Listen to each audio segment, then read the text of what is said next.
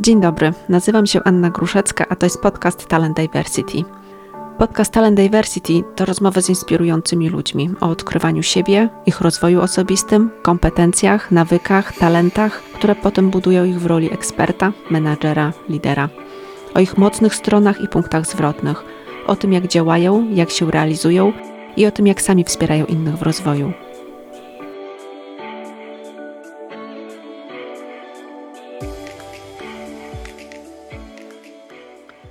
Dzień dobry. Dzisiaj moją gościnią jest Magdalena Puchalska-Nielaba. Kobieta wielu zawodów. Z wykształcenia prawniczka, związana z rynkiem nieruchomości komercyjnych, obecnie działająca w obszarze ESG. Z wyboru na drugi etat menadżerka artysty Martina Nielaby. O tym wyborze i o innych opowie nam dzisiaj w trakcie naszej rozmowy. Dzień dobry, Magdaleno.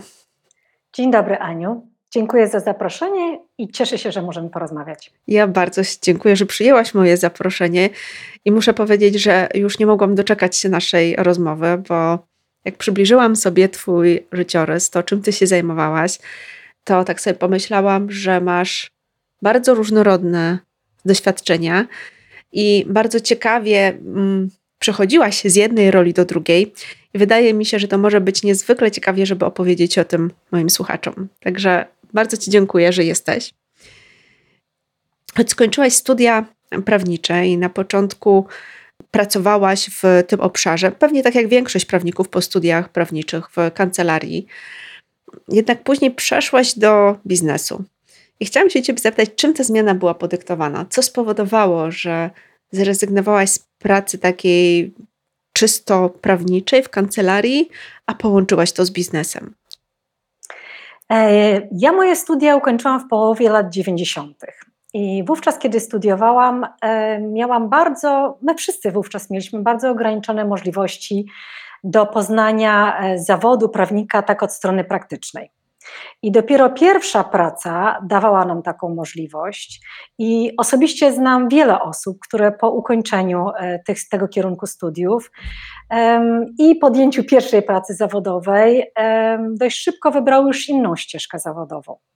No, prawo zawsze jest taką bardzo dobrą bazą, na której można budować e, swoją dalszą karierę, e, czy to w biznesie, czy w jakichś innych działaniach. I tak też się wydarzyło w moim przypadku. No ale powracając do początku, e, Pierwszą, pra pierwszą pracę podjęłam w kancelarii prawnej. To była duża międzynarodowa e, kancelaria, która, tak jak e, wówczas większość zagranicznych firm, wchodziła do firm, do Polski i tu się, tu prowadziła swoją działalność. W tej firmie przepracowałam parę lat, następnie poszłam do polskiej kancelarii prawnej. Tam również przepracowałam parę lat i e, w pewnym momencie zaczęłam się zastanawiać, czy jest to e, ścieżka zawodowa, którą chcę iść e, przez całe moje życie. Pomyślałam sobie również, że jeżeli nie zastanowię się nad tym pytaniem dzisiaj, wtedy miałam, wówczas miałam około 30 lat, to później będzie trudno mi raczej podjąć decyzję o, zmiany, o zmianie zawodu, czy, czy o zmianie w ogóle sektora, w którym będę chciała pracować. E, I po dłuższym zastanowieniu się doszłam do wniosku, że praca, którą wówczas wykonywałam jako młoda e, prawniczka, e, była głównie związana z pracą, jak ja to mówię, z dokumentami. Czyli w 90% ja spędzałam po kilkanaście godzin w pracy, czytając przepisy prawne, przygotowując różne dokumenty prawne, poprawiając dokumenty.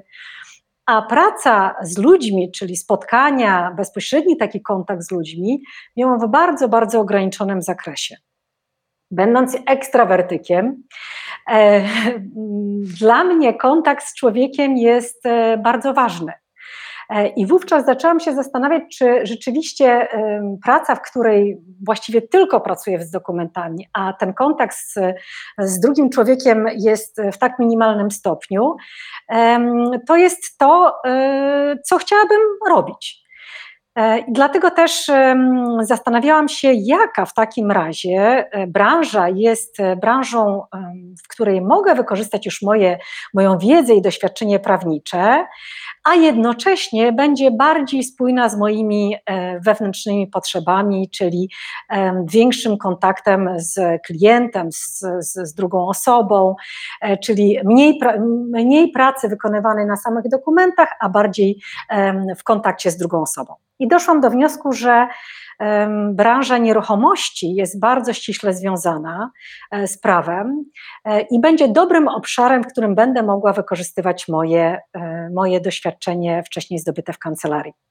E, I tak na początku lat 2000 zaczęłam pracę w dużej międzynarodowej e, firmie, e, która się zajmowała doradztwem w obszarze nieruchomości komercyjnych. No i to był dla mnie bardzo interesujący czas. Zaczęłam pracę w departamencie, który zajmował się pośrednictwem i też doradztwem w obszarze wynajmu, kupna, sprzedaży, w zależności kogo reprezentowaliśmy, czy kupującego, czy sprzedającego, nieruchomości biurowych. E, skracając troszeczkę historię mojego e, życia zawodowego, jeżeli chodzi o nieruchomości komercyjne, pozostałam w nich ponad 10 lat. I zdobyłam takie doświadczenie bardzo, bardzo no, szerokie, dlatego że specjalizowałam się i w obszarze nieruchomości biurowych, czyli pracowałam przez pewien czas w departamencie, który doradzał przy wynajmie, kupnie, sprzedaży powierzchni biurowych. E, później przez pewien czas również zostałam wewnętrznym prawnikiem w tej firmie, gdyż e, powstała taka potrzeba, aby osoba, która dobrze znała działania firmy, potrafiła również od strony prawnej zabezpieczyć jej interesy. No i tutaj moja wiedza prawnicza, a jednocześnie to, że e, parę lat pracowałam w obszarze biznesowym, czyli w tych nieruchomościach biurowych, spowodował, że byłam osobą właściwą, której zaproponowano właśnie e, nową pozycję w tej firmie, co jest taką, no, takim unikatowym połączeniem, bo na przykład pracując w kancelarii prawnej właściwie zna się tylko biznes od takiej strony teoretycznej, tak? bo się szykuje jakieś dokumenty, które e, są potrzebne, czy to do takiego działania firmy, czy do innego, czy zabezpieczającego jej interesy pod takim względem, czy innym, ale e, nie, nie pracuje się bezpośrednio w biznesie i nie widzi się od strony praktycznej, jak on działa a ja miałam tą możliwość. Powiedziałaś na początku, że studia prawnicze są taką bardzo dobrą bazą do tego, żeby rozwijać się w różnych obszarach niektórzy nawet od razu idą tak naprawdę w inną stronę. Moje pytanie mm, też będzie dotyczyło trochę tych, tego wyboru studiów prawniczych. Czy też wybierając ten kierunek w taki sposób o tym myślałaś, że jest to dobra baza do jakiegoś dalszego rozwoju w innych obszarach? Czy wybierając studia prawnicze jeszcze myślałaś o takim, takiej roli czysto prawniczej, tak, bycie, bycia prawnikiem? Bo w tamtych czasach, jak sobie tak mm, kojarzę, to był to dosyć prestiżowy zawód, prawda? Ja w liceum byłam w klasie humanistycznej, e, więc e, generalnie jestem bardziej humanistką aniżeli e, osobą, która ma tutaj zdolności w zakresie nauk ścisłych.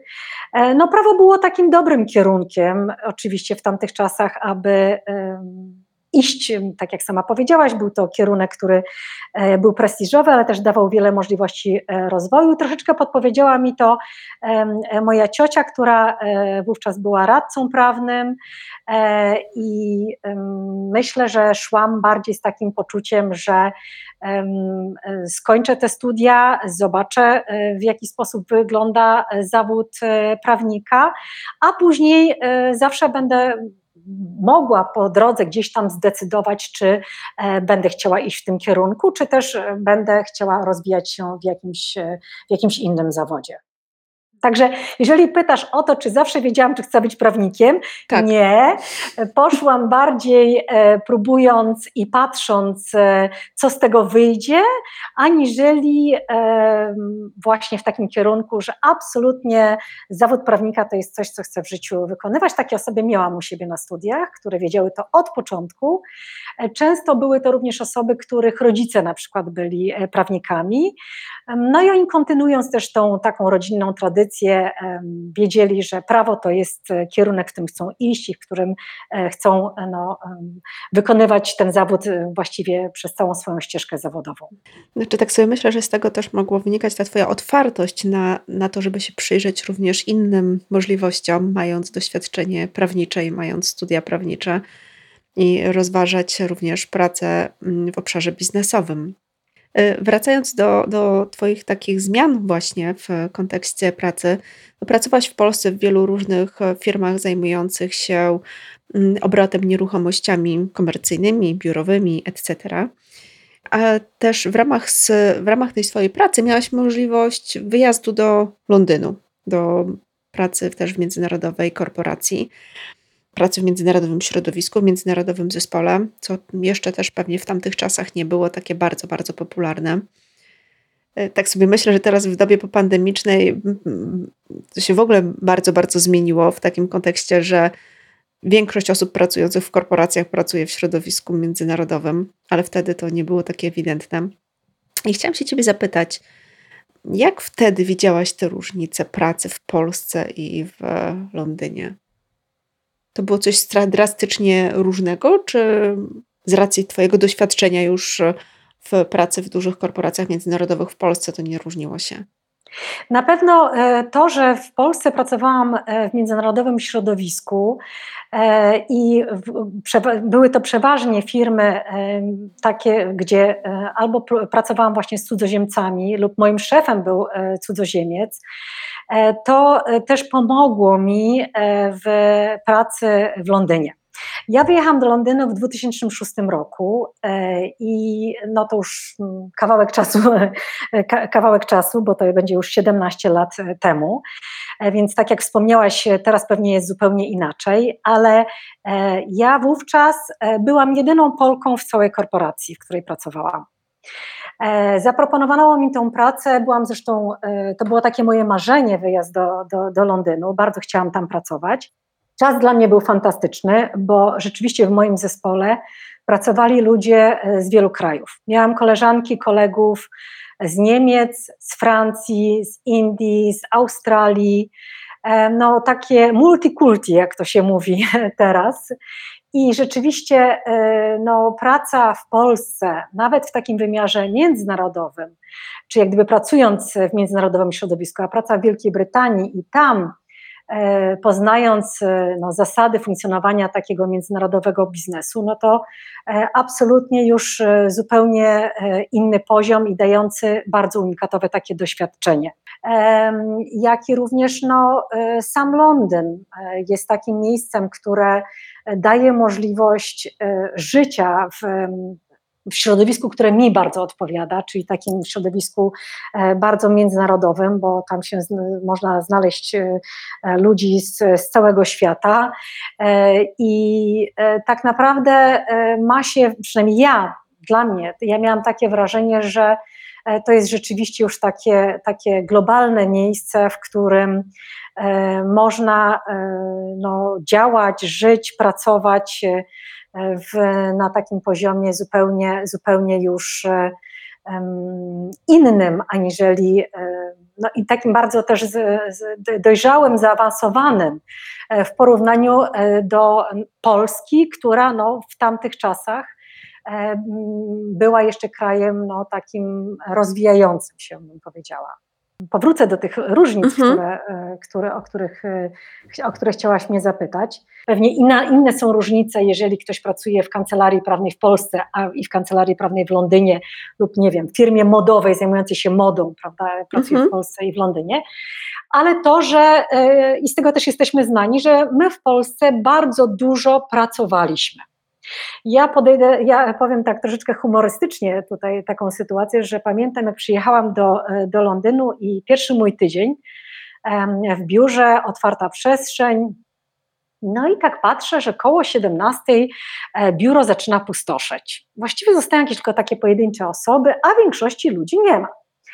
E, no to w tym takim pierwszym tygodniu zaczęłam się przyglądać tej sytuacji, a ponieważ nikogo nie znałam w tym biurze, byłam kompletnie nową osobą, no to pewnie to myślałam, że no pewnie koledzy, koleżanki mają jakieś szkolenia, być może nie wiem, jakieś warsztaty, na które razem wspólnie idą. Potem zaczęłam myśleć, że może, e, że tak powiem, wychodzą na jakąś wspólną imprezę, na którą ja jeszcze nie jestem zaproszona, z racji tego, że, że jestem nową osobą w biurze i jeszcze nikt mnie nie zna. E, no i później już się oczywiście zorientowałam, że wychodzenie z biura o godzinie 17 e, było przynajmniej w mojej firmie standardem. Biorąc pod uwagę, że do tego w ciągu dnia mieliśmy jeszcze godzinną przerwę na lunch. E, nikt absolutnie, e, tak jak ja byłam przyzwyczajona do wychodzenia z biura w Polsce 19-20, E, gdzieś tam w różnych e, miejscach, w których pracowałam, no bardzo mocno zwracało się uwagę na to, o której godzinie e, wychodzą pracownicy z biura i, i że tak powiem, przełożeni zastanawiali się, dlaczego tak wcześnie, jeżeli ktoś wychodził o godzinie na przykład 18. Tak, tu w Londynie w ogóle nie, nie, nie było absolutnie żadnego nacisku na to, żeby pracować długie godziny w biurze.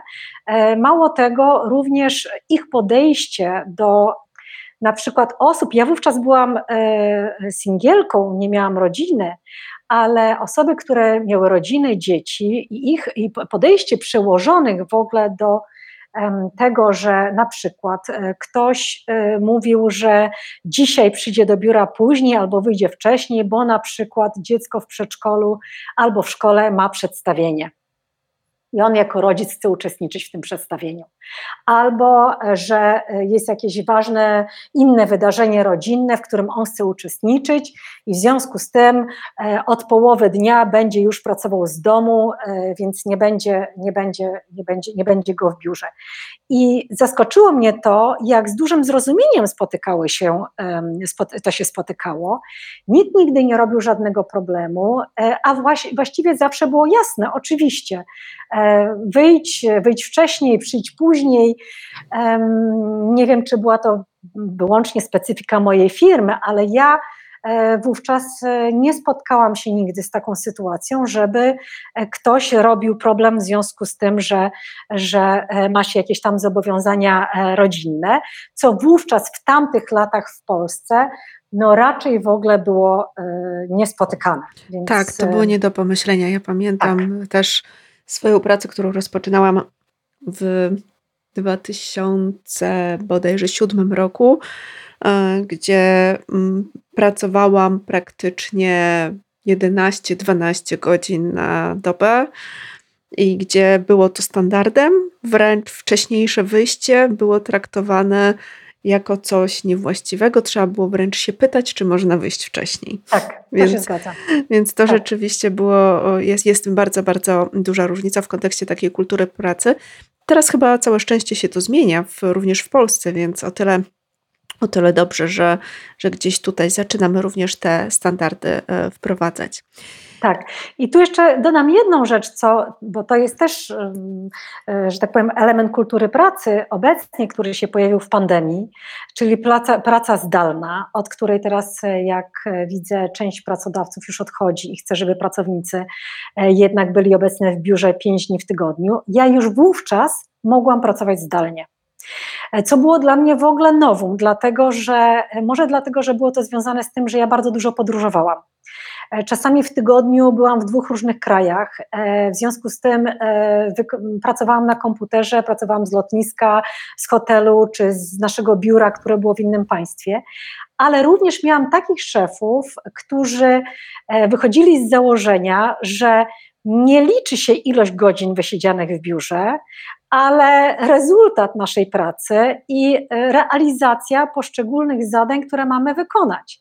Więc równie dobrze, będąc nawet w Londynie, ja na przykład mogłam zadzwonić do mojego szefa i powiedzieć: Dzisiaj będę pracowała z domu, bo coś tam jeszcze muszę zrobić. W związku z tym wykonam swoją pracę, nie wiem, do takiej godziny, prześlę e-maila, prześlę jakieś, nie wiem, zestawienie czy jakiś dokument, prawda?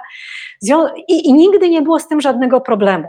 E, co znowu w Polsce, nawet z czym się spotkałam jeszcze przed pandemią, praktycznie, czyli już, już no, wiele lat później, po tym jak ja wróciłam do Polski, no było to raczej trudne do wynegocjowania z jakimkolwiek mm, pracodawcą, no bo właściwie praca zdalna była nieznana. I standardem było to, że jednak przebywanie w biurze jest kluczowe. Ja sobie to e, bardzo chwaliłam i tak jak mówię, no, miałam to szczęście, że też pracowałam z takimi przełożonymi, którzy e, podchodzili do, do, do naszej pracy w ten sposób, że e, Ważne jest, w jakim czasie wykonamy i, i, ważne jest to, co wykonamy, a nie, a nie z jakiego miejsca to robimy. Czy już wtedy miałaś możliwość doświadczyć tych różnic kulturowych i E, i też e, innej nieco pracy, innego podejścia do pracy i do życia. Tak. Mm, jednak e, po kilku latach też znowu nastąpiła kolejna zmiana u ciebie. Tym razem chyba z tego, co mi mówiłaś, jak kiedyś rozmawiałyśmy, podyktowana kryzysem gospodarczym bankowym i to wtedy wróciłaś z Londynu do Polski. Bo wtedy nastąpiło załamanie takie dosyć duże w wielu różnych branżach. I tak sobie myślę, że z każdego kryzysu to zawsze czerpiemy coś dla siebie, zawsze czegoś się uczymy. I chciałam się Ciebie zapytać, jak ten kryzys w ogóle wpłynął na Twoją ścieżkę zawodową i co Ty z tego kryzysu wzięłaś dla siebie? To jest dobre pytanie, bo ja się zawsze śmieję z moim mężem, że gdyby e, nie globalny kryzys finansowy, to nie wyszłabym za niego za mąż i e, nie urodziłabym mojej córeczki czyli kryzys w sferze e, zawodowej, czy w tym sensie, który miał wpływ na moją sferę zawodową, okazał się e, sukcesem w mojej sferze osobistej. I tak to jest, że niektóre zmiany w naszym życiu wybieramy sami, gdzieś tam się do nich przygotowujemy, planujemy, a później je realizujemy, ale jest również tak, że takie zmiany przynosi nam życie. I taką zmianą, którą przyniosło mi życie, na którą ja w ogóle nie miałam żadnego wpływu, no to był, tak jak wspomniałeś, ten, ten światowy kryzys finansowy, e, który w Wielkiej Brytanii zaczął się, zaczął się znacznie wcześniej aniżeli w innych krajach w Europie i był on na o wiele głębszym poziomie. Tak naprawdę moi koledzy i koleżanki, którzy pracowali w bankowości, tracili pracę z dnia na dzień. E, klienci, których e, my, e, którym my doradzaliśmy w naszej firmie, głównie opierali swoją działalność na kredytach bankowych, tracili płynność finansową, ogłaszali bankructwa. Firma, w której pracowałam, była notowana na giełdzie londyńskiej, wartość jej akcji spadała i właściwie cała gospodarka brytyjska się waliła. E, ja byłam tego świadkiem i to rzeczywiście, w jaki sposób kryzys się przełożył na Polskę, e, to mogę powiedzieć, że właściwie w Polsce nie doświadczyliśmy w ogóle kryzysu, bo, bo różnica e, między tym, jak odbiło się to na gospodarce brytyjskiej, a w jaki sposób gospodarka polska to odczuła, była ogromna. E, no, w sytuacji, kiedy, kiedy jest kryzys i kiedy właściwie e, jest niepewność dnia e, jutrzejszego, gdzie no, wszyscy wówczas w moim zespole zastanawialiśmy się, co robić dalej i, w jakim kierunku to będzie zmierzało, no właściwie wszyscy powróciliśmy do naszych, do naszych rodzimych krajów ze względu na to, że no, gdzie e, będzie e, mnie, najbezpieczniej jest chyba w domu, tak? w szczególności kiedy brytyjska gospodarka w stosunku do gospodarki polskiej no, zupełnie była na innym poziomie i powrót dla, do Polski był dla mnie w moim poczuciu najlepszym rozwiązaniem w tamtym czasie.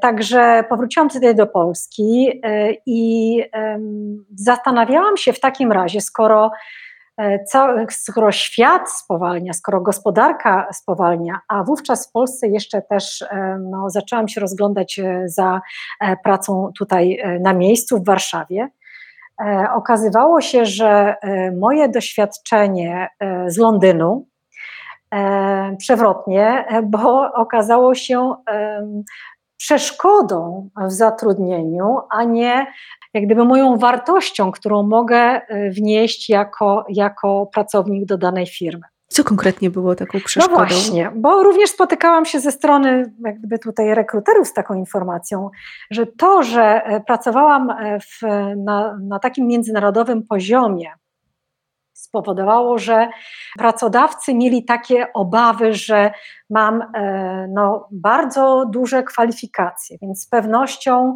e, będę oczekiwała bardzo wysokiego wynagrodzenia, albo przyjdę do, tej firmy i tylko będę w niej na chwilę i natychmiast zmienię ją na jakąś inną.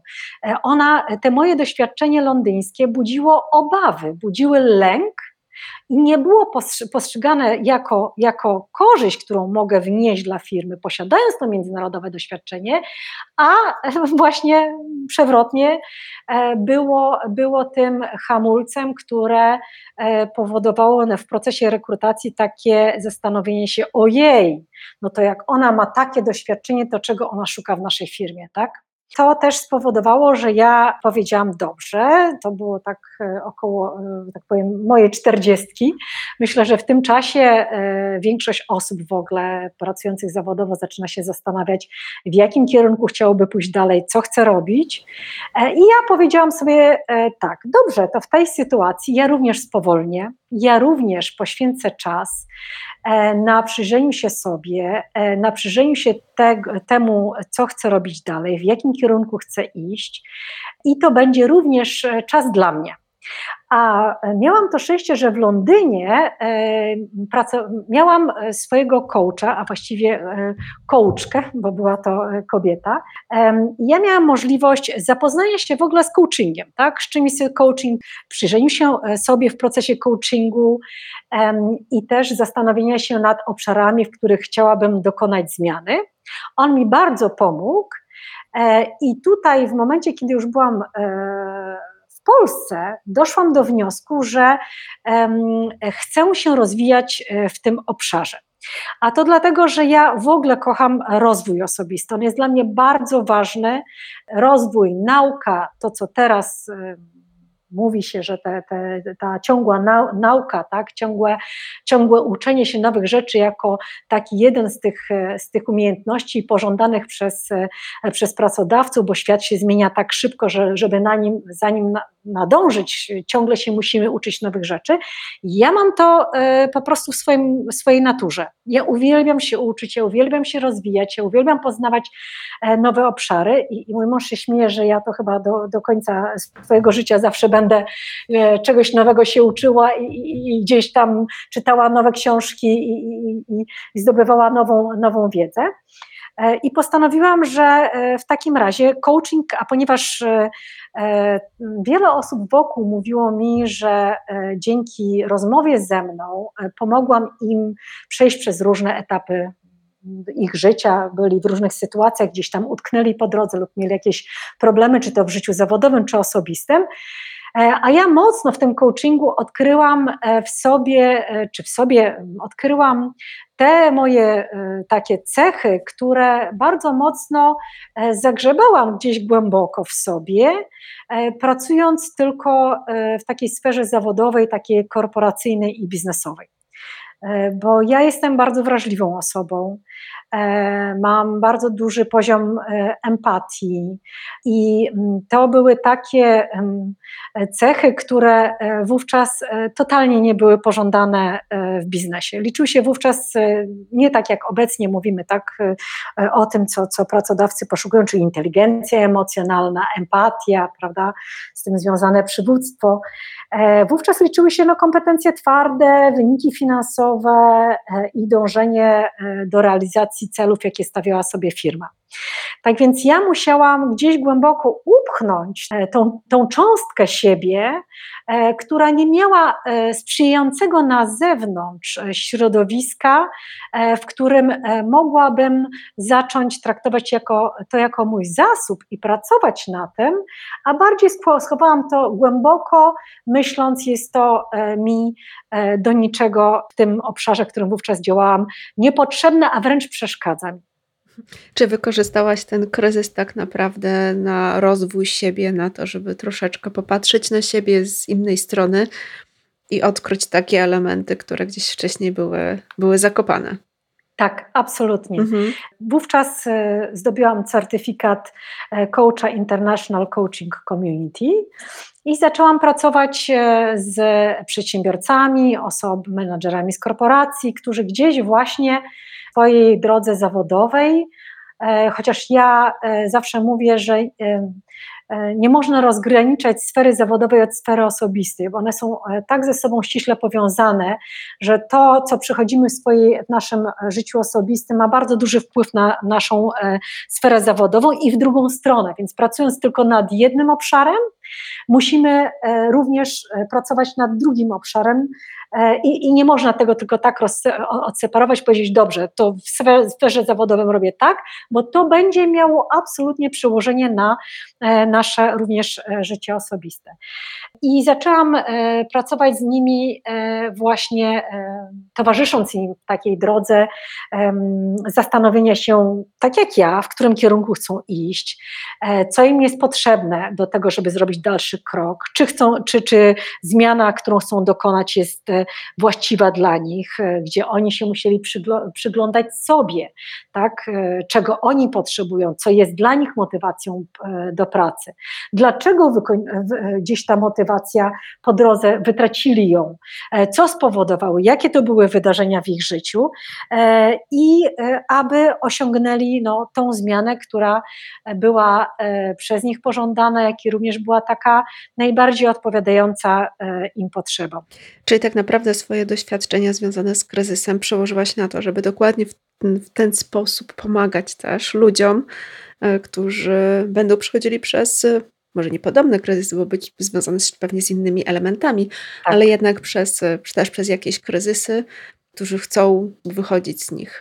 Dokładnie, zgadza się. Zresztą ja e, zawsze mówię, że w, ja w, łączę w coachingu mentoring, tworzę taką autorską metodę coachingową, mentoringową i zawsze staram się gdzieś tam odnosić do e, własnego doświadczenia. To doświadczenie jest oczywiście moje jest inne, każdej osobie jest inne, każda osoba jest inna, ale e, staram się odnosić do moich doświadczeń, bo one zawsze mogą być inspiracją dla innej osoby, mhm. tak? Że w danej tak. sytuacji tak. na przykład ja zrobiłam tak. Dlatego nagrywam ten podcast, bo też tak sobie myślę, że dzielenie się swoim doświadczeniem powoduje, że ludzie mm, mają trochę więcej inspiracji, widzą inne możliwości, widzą, że nie tylko oni przechodzą przez różne kryzysy i trudności e, i że można z tego wyjść i rzeczywiście wyjść obronną ręką, a wręcz przeciwnie, nawet osiągnąć e, sukces właśnie dzięki tym wydarzeniom. Także, także mm, jak najbardziej się z Tobą zgadzam kryzys, kryzys był dla ciebie właśnie takim, taką, takim momentem zmiany i zobaczenia siebie z innej strony, poszerzenia swoich kompetencji w różnych obszarach. Powiedziałaś też, że kryzys przyniósł ci taką zmianę również w obszarze życia prywatnego, e, bo dzięki temu poznałaś swojego męża i, i stworzyliście e, rodzinę. Mm, I też z tym związany jest jeszcze jeden obszar Twojego życia, o który chciałabym podpytać, bo w pewnym momencie zostałaś menadżerką Martina Nielaby, swojego męża. To, że e, zostałaś menadżerką, nie wzięło się znikąd. Moje pytanie jest takie: czy sztuka w Twoim życiu była już wcześniej? Odpowiem e, Ci na to pytanie, zaczynając od tego, że Mój mąż pojawił się w moim życiu dokładnie w tym samym momencie, kiedy ja odkrywałam w sobie i pozwalałam właśnie na dotarcie do tych swoich wszystkich takich moich głęboko ukrytych różnych, różnych cech, które, o których wcześniej wspominałam i które, z których zaczynałam korzystać czy pracować jako mój zasób, zasób w coachingu.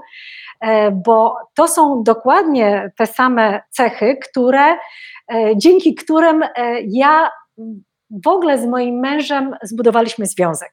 Tu muszę powiedzieć, że moje zainteresowanie sztuką było zawsze. Moja mama z wykształcenia jest etnografem. W domu mieliśmy bardzo dużo dzieł sztuki. Często zabierała nas do muzeów na wystawy. Często sama była współorganizatorem różnego rodzaju e, wystaw etnograficznych. Zasiadała w jury konkursów e, etnograficznych. E, również jest autorką książki na temat rzeźby ludowej w Armii i Mazur. Był okres w jej życiu, kiedy pracowała w Muzeum Etnograficznym w Olsztynie jako kustosz. Więc w moim sztuka e, towarzyszyła mi e, w moim życiu od dzieciństwa. Tylko w momencie, kiedy e, ja zaczęłam swoje takie życie zawodowe, czy może poszłam na studia, później zaczęłam moje życie zawodowe, to tak naprawdę nie miałam z tą sztuką większego kontaktu. Wiadomo, że wtedy, kiedy miałam możliwość, oczywiście wychodziłam do muzeum, do galerii, w momencie, kiedy, kiedy miałam kontakt ze sztuką, że rzeczywiście ta moja wrażliwość miała możliwość, e, e, możliwość wyjścia na powierzchnię. E, byłam wówczas również kolekcjonerką dzieł sztuki, bo kupowałam dzieła sztuki i, i, i miałam w swoim mieszkaniu ich wiele. I połączenie tego z życiem, z artystą, tak jak tak naprawdę dopełniało całość mojego danego etapu życia. Więc myślę, że to wszystko, że, że w życiu nie ma przypadków, że to się dzieje wtedy, kiedy jesteśmy na to gotowi. Wówczas e, życie albo przynosi nam taką zmianę, albo być może gdzieś tam lekko pomaga nam w dokonaniu takiej zmiany, stawia również na naszej drodze e, osoby, które są osobami, które nam pomagają w wejściu w nowy swój obszar życia. I tak się stało też z, z moim mężem. E, niemniej jednak, e, bo i prawo, i biznes, i sztuka okazuje się, że bardzo się ze sobą łączą. No właśnie, chciałam się zapytać, jak tutaj te mm, te rzeczy połączyłaś, te swoje kompetencje, te swoje umiejętności i te światy. Bo o, z jednej strony są to totalnie różne światy, tak? Jeden bardzo konkretny, na danych, na liczbach, etc., a drugi bardzo taki związany z kreatywnością, z wrażliwością. Jak ty te dwa światy połączyłaś? E, no właśnie, bo to też jest moje takie podejście, że to, co robiliśmy wcześniej, jest naszym zasobem, e, jest naszą wartością, jest e, tym, z czym powinniśmy, czy powinniśmy, czy z tym możemy pracować w naszej kolejnej roli, w której się znajdziemy. Często jest tak, że nie myślimy o, te, o tym, że z poprzednich ról możemy bardzo czerpać i z naszego doświadczenia, i z naszej, z naszej wiedzy, bo one gdzieś ze sobą mogą się łączyć. I tak też było w naszym przypadku, jeżeli chodzi o mojego męża, bo w momencie, kiedy zostałam jego menadżerem, to e, zaczęłam się zajmować tymi wszystkimi sprawami, które były związane z prawem i z biznesem. E, mój mąż e, robi wystawy e, w instytucjach takich no, publicznych, w związku z tym i organizuje je samodzielnie, a więc wszelkie kwestie związane z organizowaniem wystaw, e, z pozyskiwaniem partnerów biznesowych do wystawy, bo przy wystawach zawsze towarzyszą nam różni, e, różni partnerzy, e, z negocjowaniem umów, z wykonaniem umów, z negocjowaniem w ogóle samych warunków ekspozycji, jak i również z ze wszelkimi kwestiami organizacyjnymi czy, czy publikacjami towarzyszącymi wystawie, jak i również czy publikacjami, czy przygotowaniem publikacji do katalogów artystycznych, e, jest to wszystko to, czym ja się zajmuję. E, mój mąż tym się nie zajmuje. Oczywiście jego dzieła sztuki są najważniejsze w wystawie, ale tak jak wszędzie, jest to długa droga, zanim zobaczymy efekt finalny. To jest normalnie zarządzanie projektem. Możemy to nazwać, że to jest projekt artystyczny, ale przechodzimy przez wszystkie e, etapy e, zarządzania danym projektem, aż będzie miał on swoją finalizację w takiej wystawie artystycznej. Czyli dla Ciebie nie było to takie całkowicie inne, tylko połączyłaś tak naprawdę swoje wcześniejsze doświadczenia, doświadczenia biznesowe, ale też ten taki element, e, nie wiem, jak to powiedzieć, zainteresowania tego, co wyniosłeś z domu rodzinnego, tak? Tak. Sztuką? Tak. I to pozwoliło Ci czy stworzyć, czy wejść w nową rolę. Tak, dokładnie, dlatego że okazało się, że mam wówczas w tym okresie mam środowisko y, zewnętrzne sprzyjające temu, abym właśnie rozwijała to, co, co w dzieciństwie e, moja mama zawsze gdzieś tam w nas starała się pielęgnować, czyli, e, czyli zainteresowanie kulturą i sztuką. I to po raz pierwszy po tej pracy w korporacjach miało możliwość, czy ja miałam możliwość realizować w tej sferze tak bym powiedziała, zawodowej, e, bo ja również e, zaczęłam współtworzyć e, poszczególne projekty z moim mężem, chociażby jestem współtwórczynią naszej unikatowej, ekskluzywnej kolekcji torebek dzieł sztuki, które są ruchomą wystawą dzieł mojego męża. Czyli dzięki unikatowej, takiej autorskiej technice mojego męża, jego oryginalny obraz olejny jest częścią damskiej torebki. Każda z torebek jest unikatowa, niepowtarzalna, każda z nich ma inny obraz.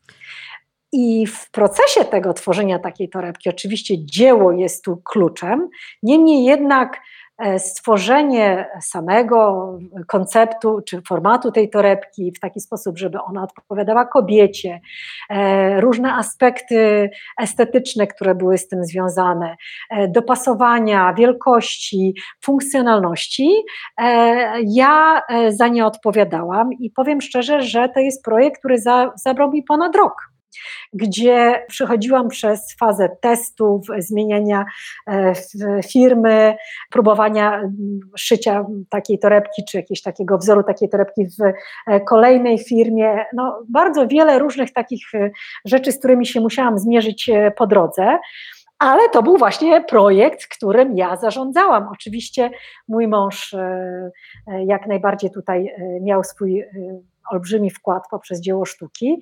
E, był to projekt e, typowo taki artystyczny, którego ja jestem e, bardzo dumna i, i cieszę się, że mogłam tutaj być częścią tego projektu i współtworzyć jeszcze już na poziomie koncepcyjnym tą kolekcję, która no, jest takim naszym wspólnym dziełem. Byłaś też swego czasu, że właśnie ta współpraca tak z Martinem pozwoliła Ci tę kreatywność trochę bardziej uwolnić, czy wrażliwość tak. swoją mm, i przełożyć to również na inne działania.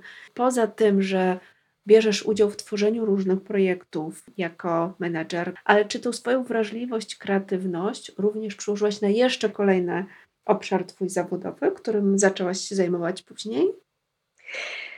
No właśnie, to kolejny obszar, w którym zaczęłam e, działać, jest związany mm, nie tylko z moją wrażliwością, czy tym, że mogłam e, bardziej uwolnić moją właśnie wrażliwość poprzez pracę e, z, z moim mężem, ale jest związane również z moim życiem osobistym gdyż obecnie zajmuję się doradztwem w zakresie zrównoważonego rozwoju i ESG. Dla osób, które nie znają tego pojęcia, to jest taki rozwój, w którym potrzeby obecnego pokolenia mogą być zaspokojone bez umniejszania szans przyszłych pokoleń na ich zaspokojenie. Czyli innymi słowy, my jako ludzie powinniśmy żyć w taki sposób, aby zaspokajając nasze obecne potrzeby, nie umniejszaliśmy możliwości przyszłych pokoleń do zaspokajania ich potrzeb. W chwili obecnej żyjemy na, na Ziemi i eksploatujemy ją e, do granic możliwości, tak jak gdyby zasoby naszej ziemi były w ogóle nieograniczone, a my mielibyśmy być jedynymi beneficjentami e, natury, środowiska, ziemi e, i mamy z niej tylko cały czas pobierać i korzystać i wykorzystywać ją do naszych celów. A więc my swoimi działaniami przede wszystkim powodujemy, że nasza planeta ociepla się, zwierzęta wymierają, roślinność wymiera i doprowadzamy do katastrofy. Czy Twoja wrażliwość przełożyła się na to, że zaczęłaś działać w obszarze zrównoważonego rozwoju, czyli też trochę, trochę, jak ja to rozumiem, takiej ochrony, ochrony naszej planety, ale też jak rozumiem, jest to również kwestia takiego połączenia tego trochę z biznesem, tak? Bo Mm, bo domyślam się już z naszej rozmowy, że też połączyłaś tutaj różne inne swoje kompetencje, więc doradzasz firmom, w jaki sposób wesprzeć, w jaki sposób realizować swoje działania, żeby również wspierać tę politykę. Tu chciałabym podkreślić, że przede wszystkim zrównoważony rozwój to jest taki rozwój, w którym nasz postęp gospodarczy nie może odbywać się kosztem środowiska naturalnego, społeczeństwa e, i musi gdzieś tam budować długoterminową równowagę pomiędzy potrzebami teraźniejszości e, i naszej e, przyszłości. I tu e, moje działanie w tym obszarze jest również bardzo ściśle związane z moim życiem osobistym. Dlatego, że mój mąż jest prekursorem w Europie upcyclingu. Nie wiem, czy mówi ci coś ten termin. Mi tak, ale możesz wyjaśnić naszym Dla osób nie właśnie nie, nie zaznajomym z tym terminem. Upcycling to jest po prostu Zamienianie przedmiotów, e, które e, są stare, zużyte, nadawanie im drugiego życia, nadawanie im przez to też podnoszenie ich wartości poprzez e, zamienianie ich, czy to nadawanie im nowej funkcji, czyli praca na istniejącym już obiekcie, ale w taki sposób, aby albo nadać im nową funkcję, albo podnieść im wartość danego przedmiotu, czyli w przeciwieństwie do recyklingu, nie niszczymy danego przedmiotu, tylko pracujemy nad nim i czy, go, czy to właśnie tak jak mówię, od, odrestaurowując go, czy nadając, nową, nadając mu nową funkcję, e, no, nadajemy mu tym samym e, nowe życie. E, I tak mój mąż takie działania w tym obszarze rozpoczął ponad 30 lat temu, bo już wówczas on w swoich działaniach jako artysta zaczął buntować się przeciwko globalnemu konsumencjonizmowi. Przede wszystkim e, widział, jak bardzo e, my jako ludzie skupiamy się na tym, e, aby tylko i wyłącznie kupować nowe rzeczy, a potem, kiedy one się zużyją, właściwie w bardzo krótkim czasie, wyrzucać je i ponownie kupować. Czyli typowy taki przykład gospodarki linearnej: kup, użyj i wyrzuć. E, I on wówczas e, postanowił, e, że to, że przedmiot był używany przez jakiś czas przez człowieka i to, że on jest być może zniszczony, być może nie wygląda tak, jak kiedyś wyglądał, że nie może do końca pełnić tej funkcji, jaką pełnił wcześniej, nie oznacza, że musi być wyrzucony i nie oznacza, że musi być zapomniany.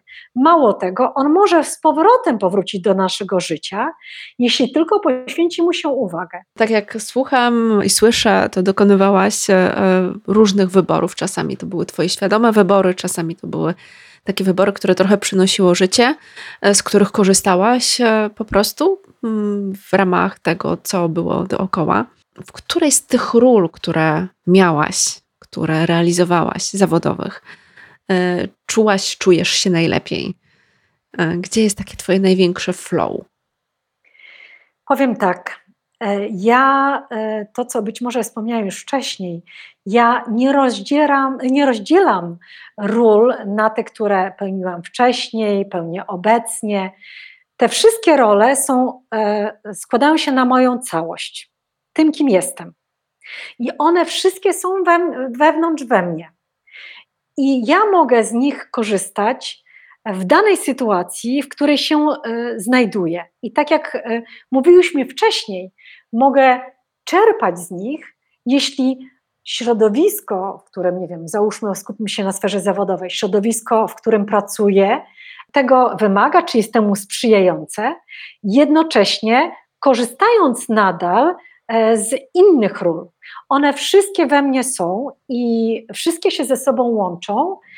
W związku z tym e, ja i świetnie się czuję w biznesie, i świetnie się czuję w obszarze sztuki, i świetnie się czuję e, w obszarze prawa, wtedy, kiedy wykorzystuję to w takim zakresie, na ile jest mi to potrzebne.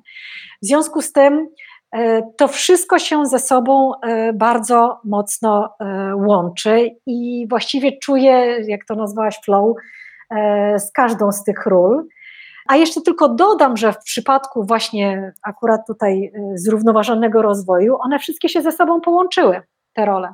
Bo i regulacje prawne, z którymi się przedsiębiorcy muszą zapoznać, no to tutaj moje doświadczenie i praca jako prawnika jest bardzo przydatna. Biznes, bo dotyczy to e, w dużej mierze biznesu, e, a jednocześnie właśnie ta dbałość o środowisko, którą my, środowisko, społeczeństwo również, którą my w domu na co dzień żyjemy, bo my w domu otaczamy się przedmiotami, przedmiotami z drugiego obiegu, przedmiotami, którymi mój mąż e, nadał e, im drugie życie, a tak samo uczymy e, tego naszą córeczkę i dla niej taki obieg przedmiotów, meble, ubrania, zabawki, które do nas przychodzą, my daje, dalej dajemy i, i, i cały czas się to gdzieś tam obraca, zamiast kupować nowe, staramy się dzielić z tym ze światem, jaki również świat nam to daje.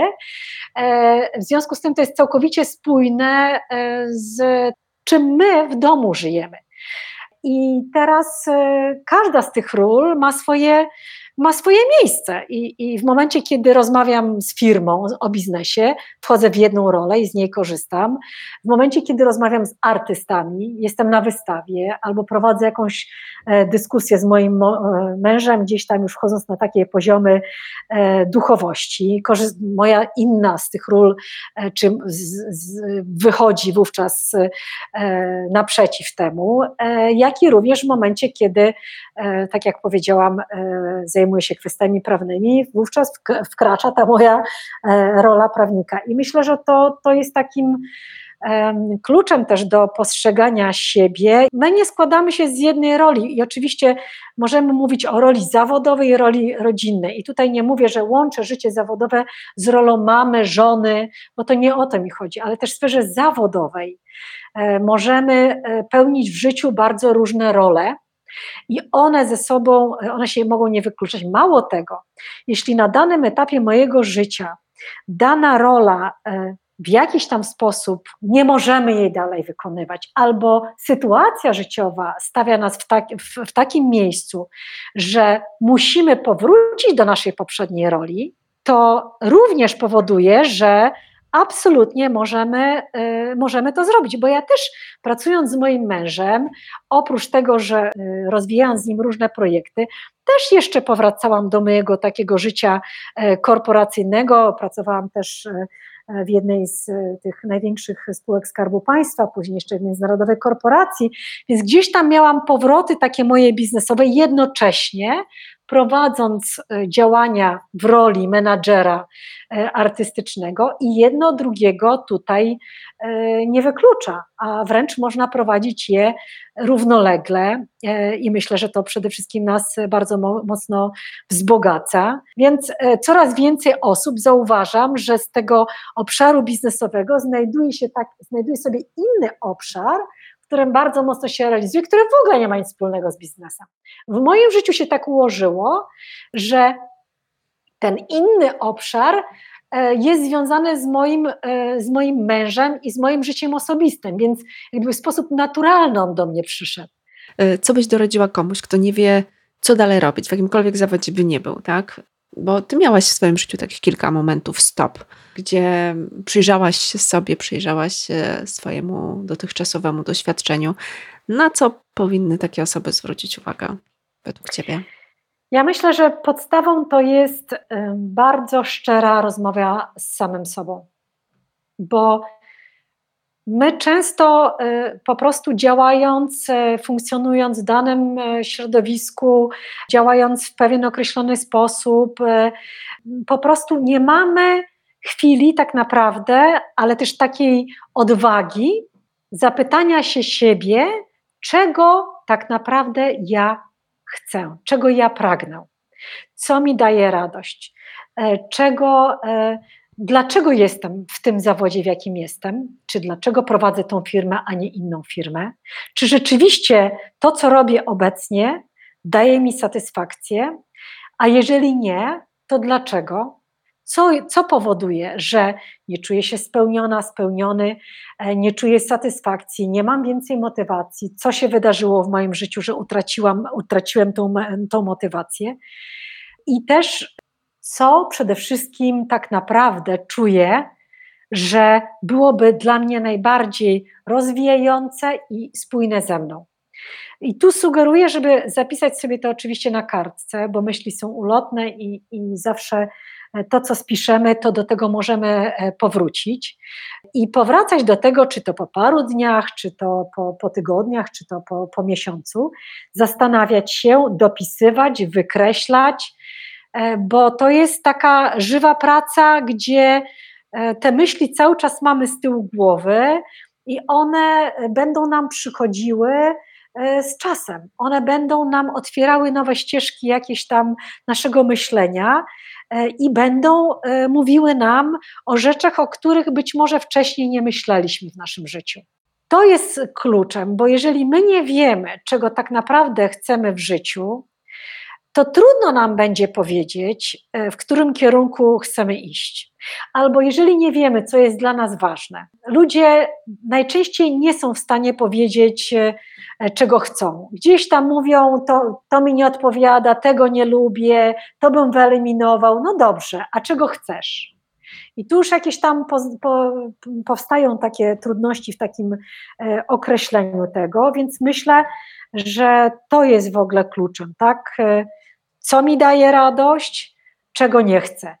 Co bym chciał mieć w mojej przyszłej pracy, tak? czym bym się chciał zajmować, czym bym chciała się zajmować, jakim obszarem, e, z jakich zasobów e, chciałabym korzystać, ale przede wszystkim również takie, jeśli mam jakieś zasoby, czy, czy coś jeszcze potrzebuję, bo przecież są, jeżeli ktoś chce dokonać zmiany, to musi się zastanowić, czy, czy być może potrzebuje, nie wiem, zrobić jakiś e, certyfikat, skończyć jakieś studia, być może przejść jakieś szkolenie, tak? bo wiele różnych e, obszarów wymaga zdobycia nowej wiedzy merytorycznej i zobaczyć, ok, to mam teraz, ale potrzebuję jeszcze zrobić, e, e, zdobyć taką wiedzę merytoryczną, więc w związku z tym muszę podjąć e, kolejne studia, muszę zacząć działać też, no nie wiem, więcej czytać literatury na, na dany temat, który mnie interesuje i zacząć sobie planować, bo ja bardzo nie lubię takich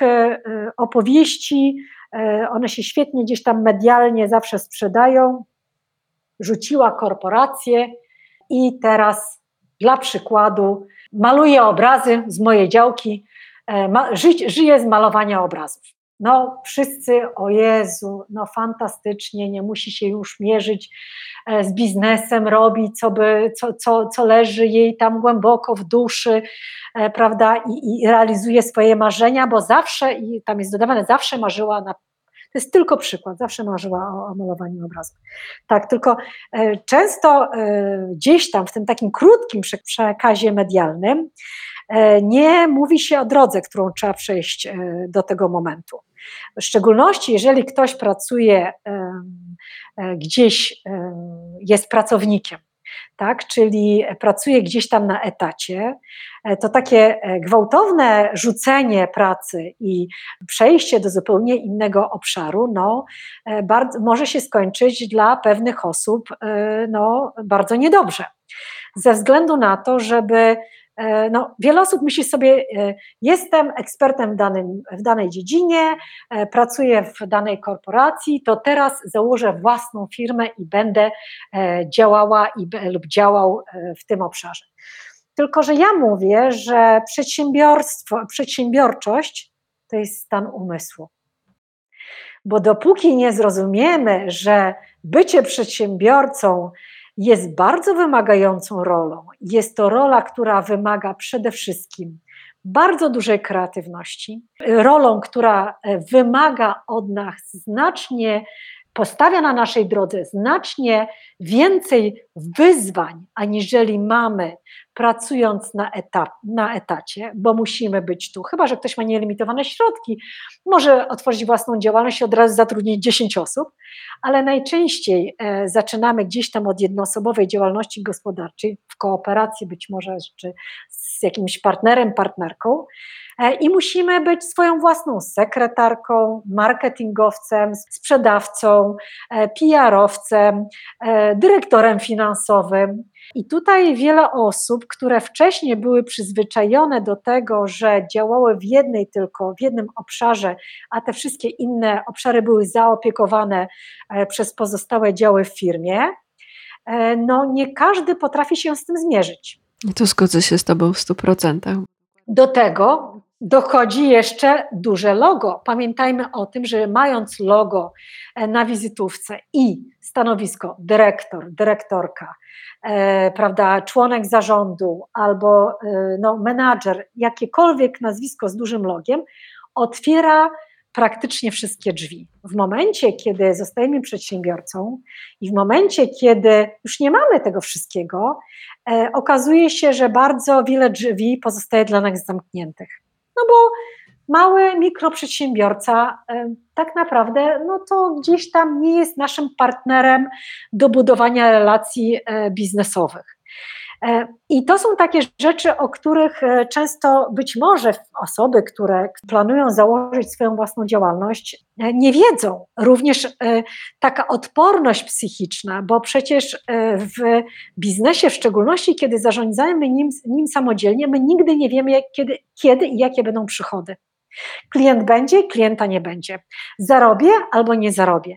Dla pewnych osób to też jest taka zmiana sposobu myślenia, bo z takiego myślenia, że na koniec miesiąca zawsze wpłynie pensja, trzeba się nauczyć zarządzania naszymi e, obawami, lęka, lękami i takiego jakiegoś e, e, nabycia takiej odporności psychicznej w tym zakresie, że ja może na koniec miesiąca nie będę miała przychodu albo nie w wystarczającej dla mnie wysokości. I co wtedy? Wówczas no, tu wchodzą takie kwestie jak planowanie, wchodzą e, takie kwestie jak e, przygotowanie się do tego całego procesu, nie tylko w kontekście jestem szefem własnej firmy, wreszcie nie mam nad, nikogo nad sobą i ja zarządzam swoim czasem. Tak, to jest ta fantastyczna część bycia e, przedsiębiorcą, ale druga strona tego medalu jest ta, o której wspomniałam wcześniej.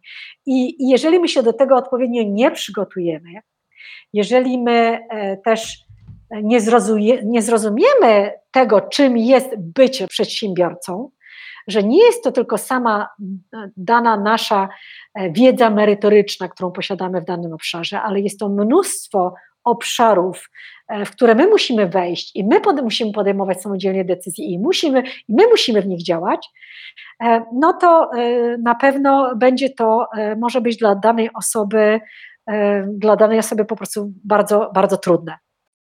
Magdaleno, e, bardzo Ci dziękuję za bardzo inspirującą rozmowę, bo rzeczywiście masz przeogromne doświadczenie w różnych obszarach i świetnie pokazujesz to, w jaki sposób łączyć różne role, przechodzić z jednej w drugą, wykorzystując swoje zasoby.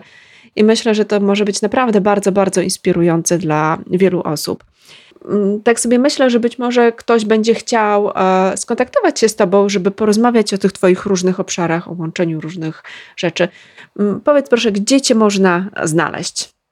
Najszybciej oczywiście można mnie znaleźć na LinkedIn. E, zapraszam wszystkie osoby, które chciałyby ze mną e, porozmawiać. Proszę o wiadomość. Chętnie odpowiem na wszystkie pytania. Jeszcze raz przeogromnie Ci dziękuję za, nasze, za naszą rozmowę.